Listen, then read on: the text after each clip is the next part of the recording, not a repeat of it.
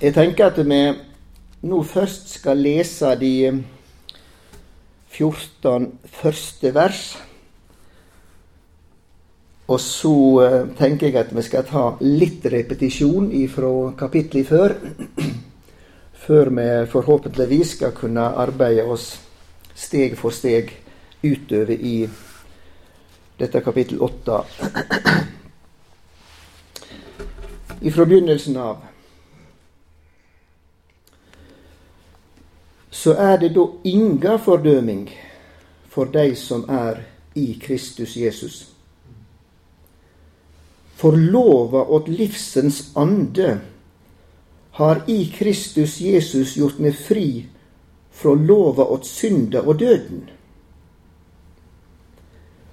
For det som var umågelig for lova, fordi hun var maktløs på grunn av kjøtet, det gjorde Gud.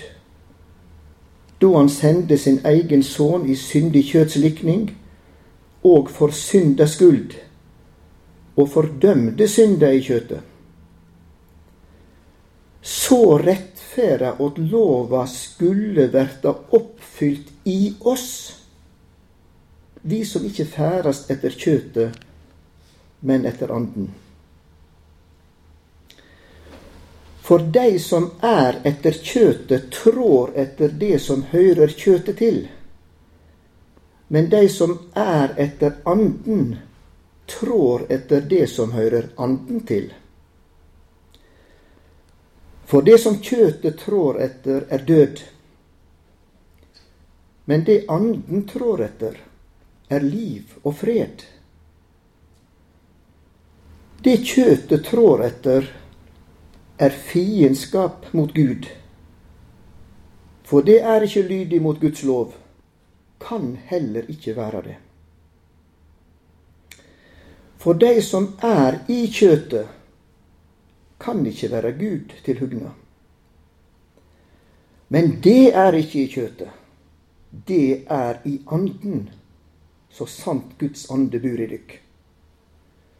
Men om noen ikke har Kristi ande, da hører han ikke Kristus til. Dersom Kristus bor i dykk, da er nok lekamen død på grunn av synd. Men ånda er liv på grunn av rettferd. Men dersom Hans ande som reiste Jesus opp fra de døde, bor i dykk, da skal Han som reiste Kristus opp fra de døde, også gjera dykkar døyelege lekamar levande ved sin ande som bor i dykk. Difor, brør, skuldar vi ikkje kjøtet noko, så vi skulle leve etter kjøtet. For dersom det lever etter kjøtet, da skal det døy. Men dersom det ved anden døyer gjerningane åt lekamen, skal det leve. For så mange som blir drivne av Guds ande, de er Guds born. Himmelske Far, vi ber om lys over disse mektige sannheter, og at du stiger fram med evangelisk budskap til oss denne kvelden. Gi nåde til det. Amen.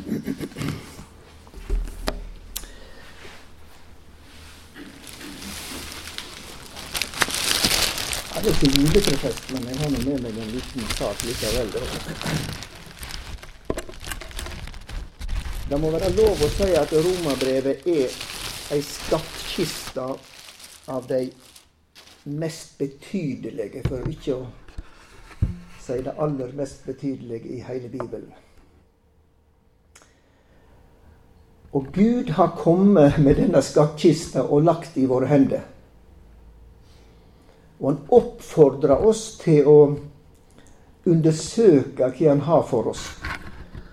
Det er litt sånn arbeid med å åpne Bibelen og dette låtet her òg, faktisk. Men vi kan jo bare ta ned etter det første som møter oss. I Romabrevet 8 er det jo vers 1. Oi, Her er det gull, altså. I Romerbrevet 8, jeg bor på nummer 1. Det er reint gull. Ingen, altså nå, fordømmelse for dem som er i Kristus Jesus. Slik står det omtrent helt ordrett oversett med ordet 'ingen' som første ordet i grunnteksten. Så han kan gjerne si 'jeg vil bo i Romerbrevet 8'. Mange plages med synd de gjorde før de ble kristne, for de har levd et helt forferdelig liv. Paulus gjorde det. Men det er ingen fordømmelse i Gud for de synder som er gjort før du ble en kristen. Mange plages kanskje enda mer med hvor dårlig liv det har blitt etter de tok imot Jesus ord og gjerninger og forsømmelse. Og så sier Gud jo meg er det ingen fordømmelse for det som hører gårsdagen til, for den som er i Kristus Jesus. Og kanskje spesielt her i Romerbrevet 8 så er det vist til det som er skrevet like før i kapittel 7. Det er jo ingen kapittelinndeling i Paulus sitt brev i utgangspunktet. Og det som han kjemper med i kapittel 7, det er jo at eh, det er ikke bare at jeg gjør synder og sier syndige ting, eller gjør alvorlige forsømmelser som en kristen, men jeg er ond innvendig. Hele min natur er imot Gud og hans vilje. Og til mer han prøver å få til livet, til mer ser han at det, det sitter noe. Det er rot langt der inne. Og da kan jo plage livet av et kristent menneske som oppriktig forsøker å bli forvandla og leve et bedre liv. Men heller ikke av den grunn vil Gud fordømme meg og deg.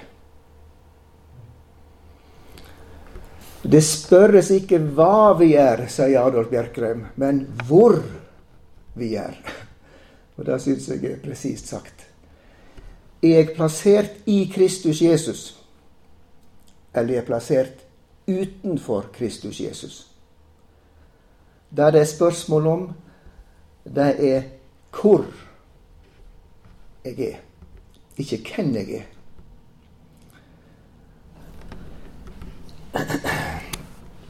Så har jeg jo likevel lyst til å si at um, om du bor i Romerbrevet 1, som vi synger i sangen, så kan du kanskje gjøre vel i å oppsøke flere av romgjelde versene i dette her mektige skrift. Det er jo ikke bare det første jeg dro opp her, men skal du se her, vers 2 til 4. Oi, oi, 14 og utover. Neimen, så på bladet. Oi, oi, oi, oi. Nei, men her er det noen dobbel bunn òg. Der skal vi sjå. Hvis jeg denne her. Wow, her er jo det er ting som du ikke ser første gangen, og ikke andre gangen, og ikke tredje gangen det er sannheter som dukker opp hele tiden når han arbeider med ikke bare Romerbrevet 8, det gjelder jo Bibelen i sin helhet. Her, her, er så enormt med sannheter. Jeg, jeg, kjenner jo på en måte på en uro og nesten fortvilelse når du skal undervise i Romerbrevet 8. Ikke bare at det er så mye men det er jo så mange ting som er krevjende.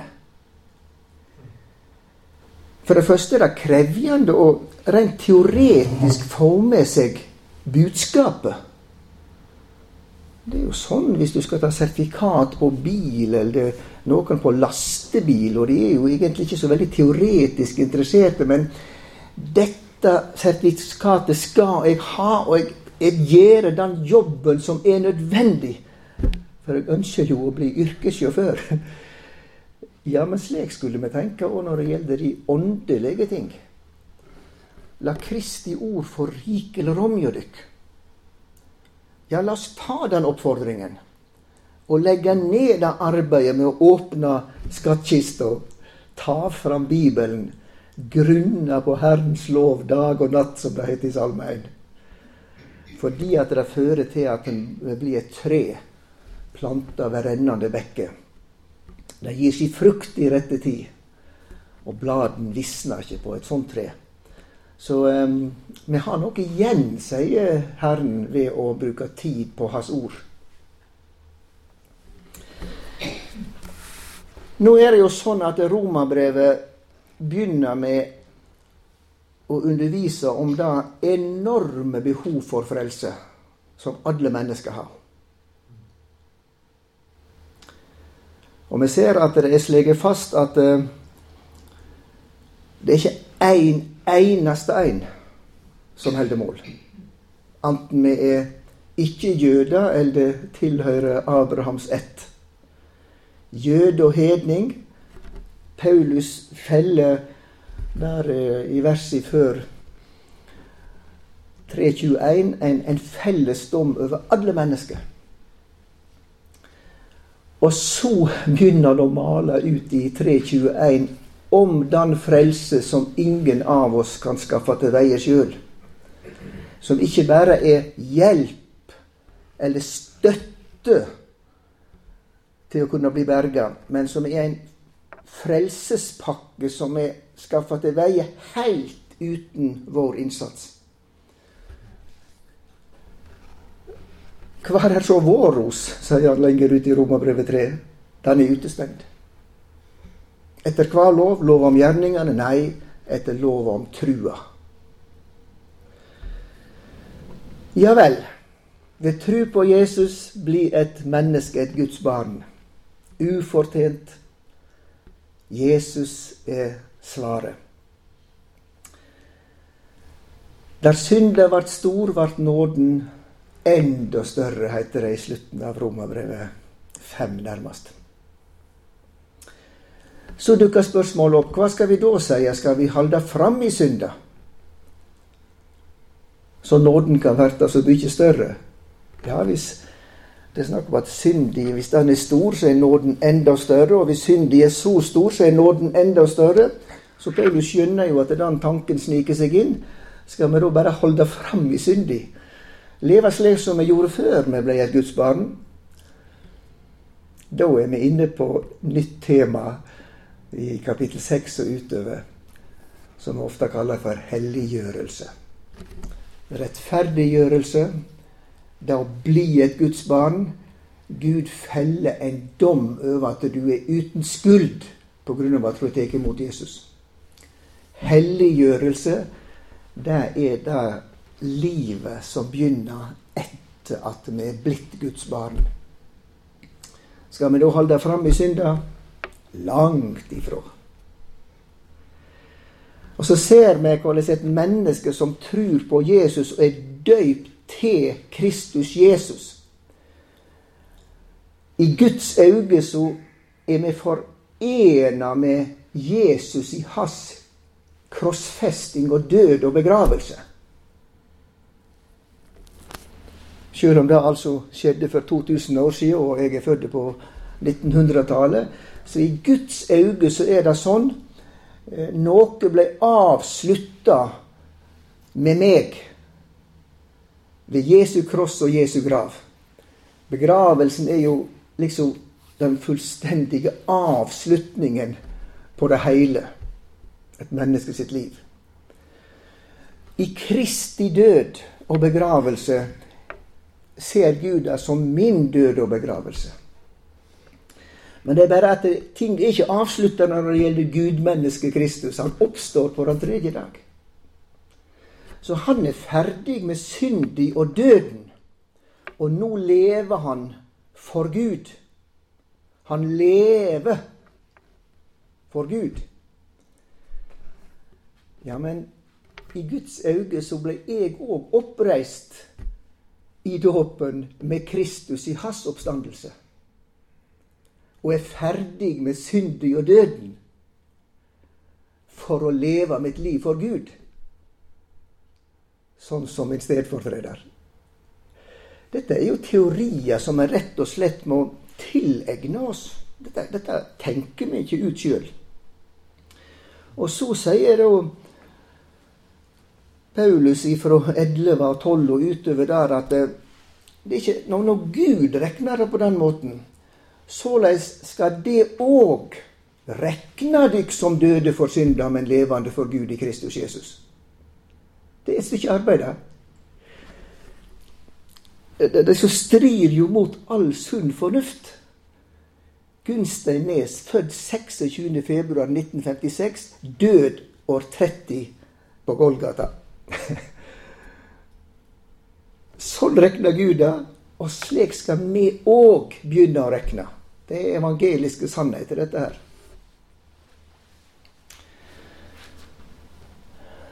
Og da er det altså et budskap om at vi kan by våre lemmer fram til våpen for rettferdighet. Til våpen for Gud. Det er ikke tenkt at Gud bare gjør noe med syndig som skuld og årsak til fordømmelse. Og når vi har fått tilgivelse for det, så er alt greit. Gud har gjort noe med syndig som en herskende herre, en maktfaktor i mitt og ditt liv. Og Det er òg en viktig del av ordet om krossen. Det er en del av evangeliet. Ja, hvis det er evangeliet, hvis det, er det er et gledelig budskap Tenk hvis det var motsatt at den som hadde kommet inn i syndevane, han måtte bare fortsette på samme måten, og sannsynligvis ble snøballen bare større og større. Nei, det er et brudd med syndig som maktfaktor. Slik som Gud ser det, med tanke på stedfortrederen sin gjerning. Og som han sier, det òg må begynne å forholde dere til ting slik som jeg gjør det. Visst er det krevjende. Men det er Gud som taler. Hvorfor skal ikke vi ta til oss alt Guds ord? Hvorfor skal vi nøye oss med holdt på å si Romerbrevet 1, nummer 1? Ehm, den samme Gud som har frelst oss, som, som taler om forsoningen, har mer på hjertet. Det skulle jo være helt naturlig at vi sier jeg vil, jeg vil åpne hele skattkista. Jeg vil ta opp så mye som jeg bare makter. Det er jo Guds tanke. Det er så djupt tenkning og djupe sannheter. I Romerbrevet 5 er det to stamfedre. Den første Adam han reiv hele slekta med seg i fallet. Nettopp fordi han var en stamfar. Gud opererer med oss mennesker som ei slekt. Så sier Romerbrevet 5 og 1. Korinterbrev 15, ikke minst vers 47, 47 at det blir satt inn en ny Adam. Den siste. Og det er Jesus. Det er han som Adam er et forbilde på, sier Romerbrevet 5 fra vers 12 og utover. Ja visst er det forskjell, det sier jo Paulus videre i dette her, men det er den likhet at Gud opererer med stamfedre. Og slik som Adam reiv de mange med seg, for Gud så å handle med de mange i den ene. Slik òg når det gjelder Kristus, og at dette blir de mange til del. Ja, ikke bare det at det er motsatt pilretning. Adam drog oss ned. Kristus løfter oss opp. Og det er ikke bare samme lengden på pilen, men så mye mer sier Paulus om det som kom med den siste Adam, vår stamfar Jesus Kristus. Og da skal jeg lære meg til å betrakte meg i en ny verden, en ny eon. Jeg er flytta over fra Adams verdenen og inn i Kristus.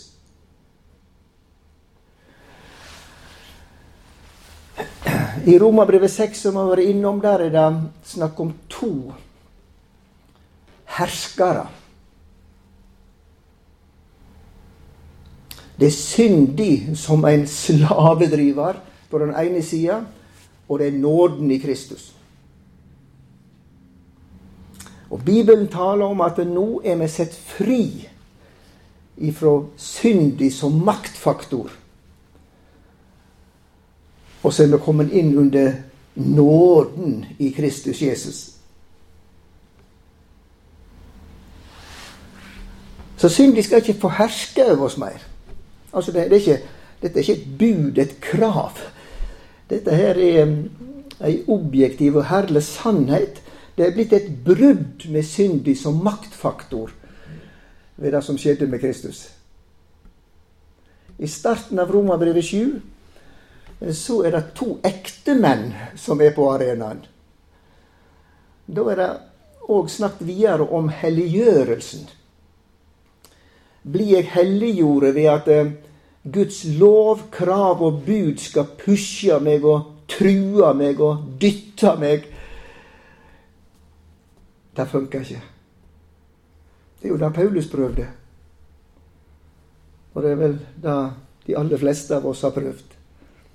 Hvis vi får kjennskap til Guds vilje, så må det vel gå an å utøve det.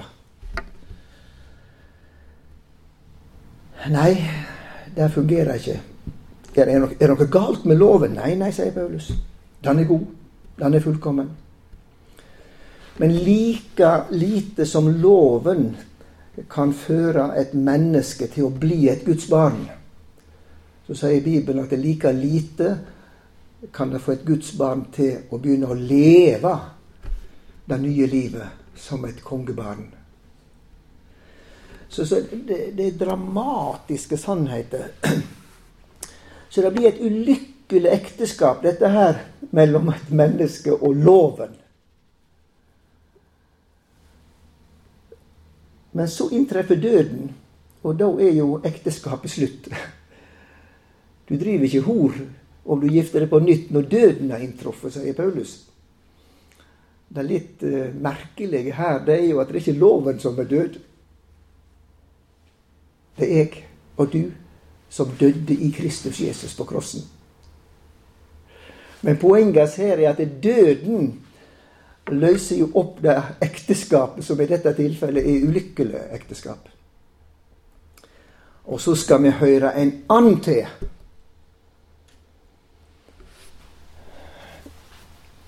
Når Paulus nå i hele kapittel 6 og 6 vers i kapittel 7 har talt om det som virker helliggjørelse og setter oss fri fra syndig sin makt og ifra loven sin trelldom òg når det gjelder oss som kristne, så tar han et avsnitt i resten av kapittel 7 der han behandler ganske utførlig hva det er som ikke virker helliggjørelse. Og det er jo nettopp knytta til loven, som han skriver om i starten av kapittelet òg. Og der er det jo at vi får denne grundige innføring i at vi har to naturer. I utgangspunktet har vi Adams falne natur, hele gjengen. Så blir vi fødde på nytt, sier Bibelen. Du må fødes på nytt, sier Jesus til Nikodemus. Og så skriver Peter at eh, nå har vi fått del i guddommelig natur. Men det Bibelen lærer oss, det er at eh, om vi er fødte på nytt og har fått del i guddommelig natur, så er jeg likevel ikke ferdig med den gamle natur slik som jeg erfarer det i hverdagslivet. Nei, de syndige lyster melder melde seg i mine lemmer. Det er akkurat slik som i Romerbrevet 3, når, når, når, Paulus taler om synd, så knytter han jo til strupen og tunga og føttene som er raske til å renne ut blod. og liksom Knytter det til lemmen.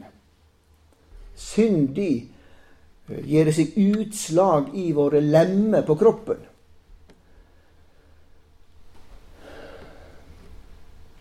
Og dette her kjenner vi òg etter at vi ble kristne. Nå er det jo ulik start på kristenlivet. Jeg er jo voksen opp i en uh, kristen familie og vet ikke om noe annet enn at jeg har vært et gudsbarn. Noen har jo levd et skikkelig åpenbart syndeliv og har en radikal omvendelse, så, så, det blir jo litt ulik inngang til disse sannheter her òg, alt etter hvordan livet starter for oss. Men prinsipielt så er det jo det samme som, som gjelder. Eh, nå er det jo ikke kroppen i seg sjøl som er ond. Det er ikke det Bibelen lærer. Men eh, noen uttrykksmåter som vi ser òg her i Romabrevet 8, eh, er jo det at lemmene våre de gjør noe annet, de vil noe annet. Og det er jo fordi at det er den gamle natur som tar de i besittelse.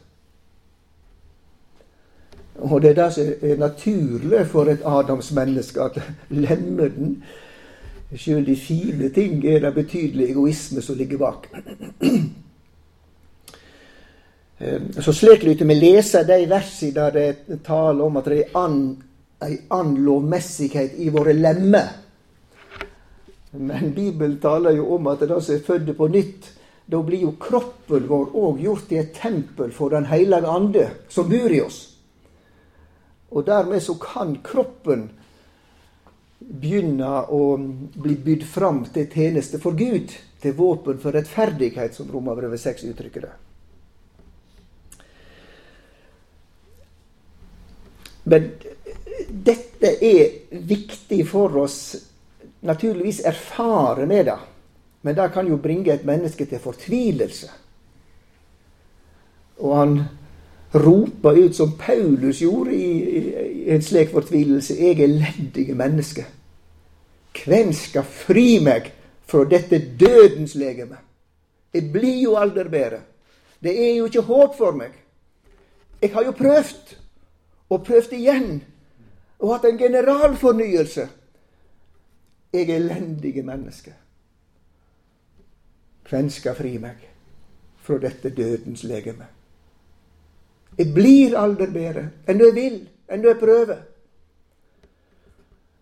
Hva er svaret? Nei, alt er håpløst. Der sto det ikke.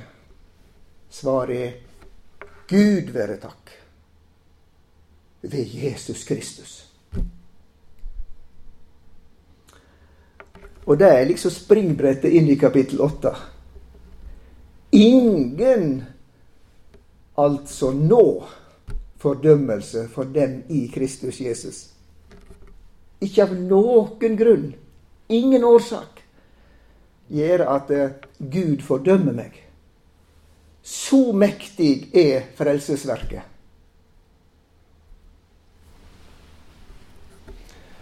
Og så går han videre, som jeg brukte litt tid på sist, og i starten av kapittel 8.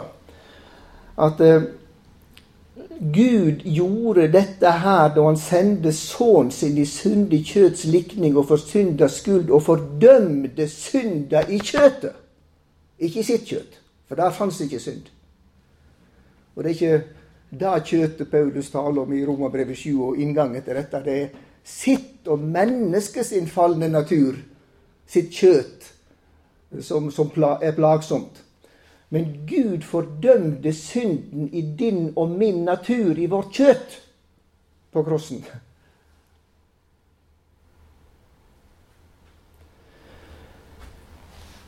Og så er det jo helt revolusjonerende.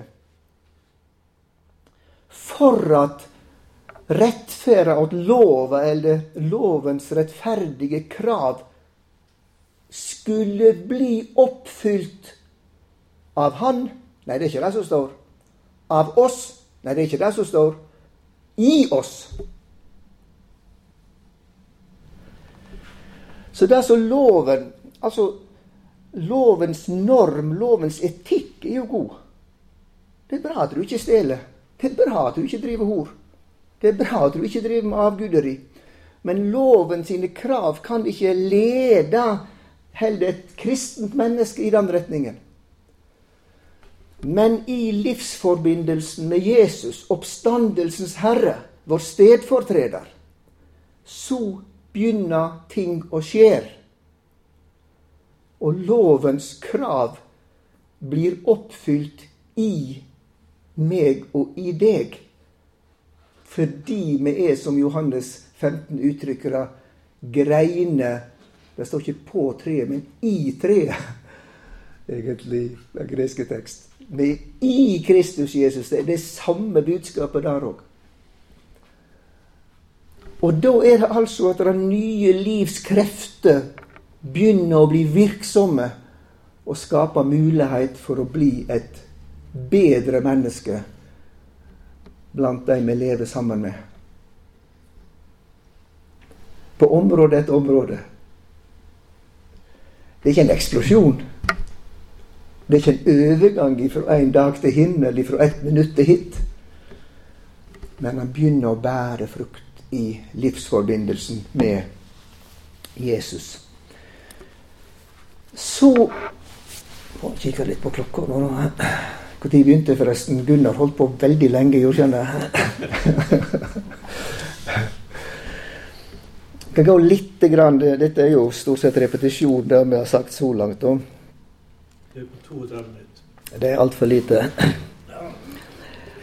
Litt grann til her. Vi ser i vers 4 her i Romerbrevet 8 så rettferda at lova skulle verte oppfylt i oss, vi som ikke færast, eller vandra, som det står på bokmål, etter kjøtet, etter vår gamle natur, men etter anden.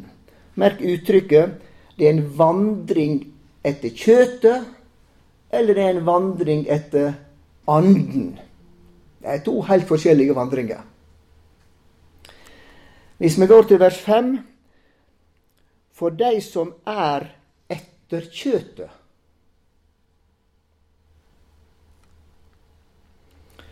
Tidligere stod det 'vandre etter kjøtet' eller 'vandre etter anden'. Her står det 'han er etter kjøtet' eller 'han er etter anden'. Det er jo mye det samme, men det er litt ulike uttrykksmåter. Og hvis vi ser i vers 9, så ser vi men det er ikke i kjøtet, det er i anden. Så sant Guds ande bor i dykk. Så her er det snakk om å være i kjøtet eller å være i anden. Det er altså uttrykksmåter som synliggjør den enorme forskjellen på et Guds barn og et menneske som ikke er blitt et Guds barn. Nei, det står ikke at, at alle kristne de blir like mye helliggjorde. Nei, det er faktisk veldig stor forskjell. Men det er likevel noe som er felles. Det er at vi er ikke etter kjøtet. Fordi vi har gjort opp med oss sjøl at jeg vil høre Herren til. Jeg har, jeg har søkt frelse ifra min synd. Og da skjer det en ny fødsel. Og når det blir sett et liv inn til verden, når det skjer en fødsel, ja, så er det nettopp et liv som begynner å leve. Eh, det sier jo seg sjøl. Og hvis han er født på nytt, kommer til tru på Jesus, blitt et Guds barn, så begynner å leve et liv. Og der er det det som Bibelen kaller et liv etter anden. Et liv i anden. Men så skal vi legge merke til her i, i Romerbrevet 8 det, det er snakk om å drives av Guds ande. Eh, det blir jo noe passivt da, når det gjelder meg. Men så er det snakk om å vandre eller færast i anden. Der er det noe aktivt. Og der litt vi bare bøye oss for at uh, Gud har det helt suveren. Han, uh, han, legger fram sitt budskap, om det skurrer i uh, vår tenkning og i vår, våre ører. Begge deler er sant, og begge deler har noe å si oss. Golfstraumen det er jo en mektig strøm av varmt sjøvann fra Karibien, og så beveger seg iallfall en god del av det. Kommer jo til norskekysten og fer opp etter hele landet vårt og et stykke østover, visstnok. Pga. jordrotasjon og vinder så, så er denne Golfstraumen blitt en sånn stor bevegelig del av sjøvannet i Atlanteren her. Og der leser jeg at det er jo det er jo en del vesen som lar seg drive med i denne her strømmen nordover. Blir drevne av Golfstrømmen. Det, det, er jo noe passivt, som sagt. Denne her kraft er der. Denne strømning er der. Og du er kommet inn der og blir med i denne varme strømmen, som er så viktig for Norge. Mer enn de fleste av oss kanskje har skjønt. Men så snakker vi f.eks. om fjellvandring. Jeg holdt på å si det, ikke forlate folk. Her må det gjøres en aktiv innsats. Hvis jeg skal vandre inn i fjellheimen og kanskje helst komme meg opp på toppen av et fjell i Jotunheimen f.eks., så er det jo et valg jeg gjør, og en innsats som jeg er villig til å utføre. Når Ånden driver et Guds barn, så, så, så, taler det om at det, det, er Gud som virkelig er den som forteller oss. Det er Gud som gjør at dette i det hele tatt er mulig med en forvandling av Adams etterkommere. Men vandringen i Ånden taler om at eh, jeg kan hindre å bli med i denne her strømningen. Jeg kan være uvillig til i særlig grad å bli med på dette Guds verk. Så her ligger noe holdt på å si, evangelisk og oppmuntrende ved at Gud ved sin ande er virksom med ufattelige krefter til å forvandle mennesket. Men et menneske må la seg drive og være med på dette her. Ja, jeg vil leve det nye livet. Ja, jeg vil vandre etter Anden. Jeg vil leve et liv i Anden. Jeg er blitt et kongebarn. Kanskje vi setter strek her, da, for kaffepausen.